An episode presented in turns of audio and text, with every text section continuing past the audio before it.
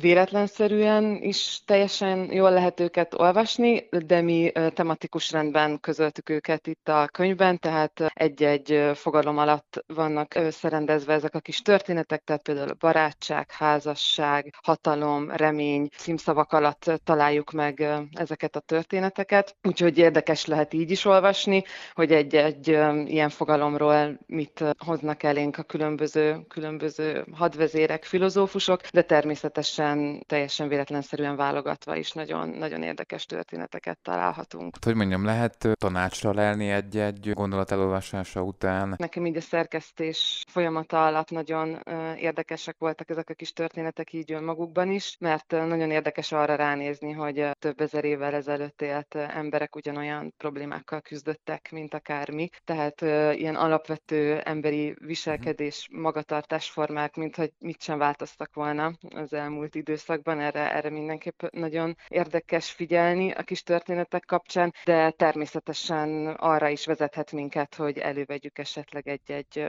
ókori szerzőnek a művét, és őt jobban, jobban megismerjük. Egyik kedvenc történetemet ha nagyon szívesen felolvasnám, akit én bevallom, hogy nem is ismertem, ez Skylurus Skita fejedelemről szól, aki a Krisztus előtt második században uralkodott, egy Skita király volt, és róla ezt olvashatjuk Plutarkosznál, Rómánál, hogy Skilurus fejedelemnek 80 fiú gyermeke volt. Amikor érezte halála közelettét, a betegágyához hívatta fiait, majd eléjük rakott egy csomag nyilvesszőt, és azt mondta, fiaim, törjétek szét ezeket a nyilvesszőket. A fiúk egyenként a kezükbe vették a csomagot, próbálták széttörni, de mivel lehetetlennek bizonyult a feladat, inkább letették a nyilvesszőket. Erre az apjuk azt mondta, adjátok ide a csomagot, majd én megmutatom, miképpen lehet őket széttörni. Az atya maga elé a csomagot, kibontotta, és egyenként széttördelte a veszőket. Ezután azt mondta a fiainak, ha ti is ennyire közel maradtok egymáshoz, mint ahogy ezek a nyilvesszők voltak, legyőzhetetlenek lesztek. Ám ha szétszélettek, sorban ellenségeitek zsákmányául estek. Szerintem ez egy nagyon szép kép, ez, ez a, a csomagban lévő nyilvesszők és az egyenként széttörhető nyilvesszők. Nem is csak azért, hogyha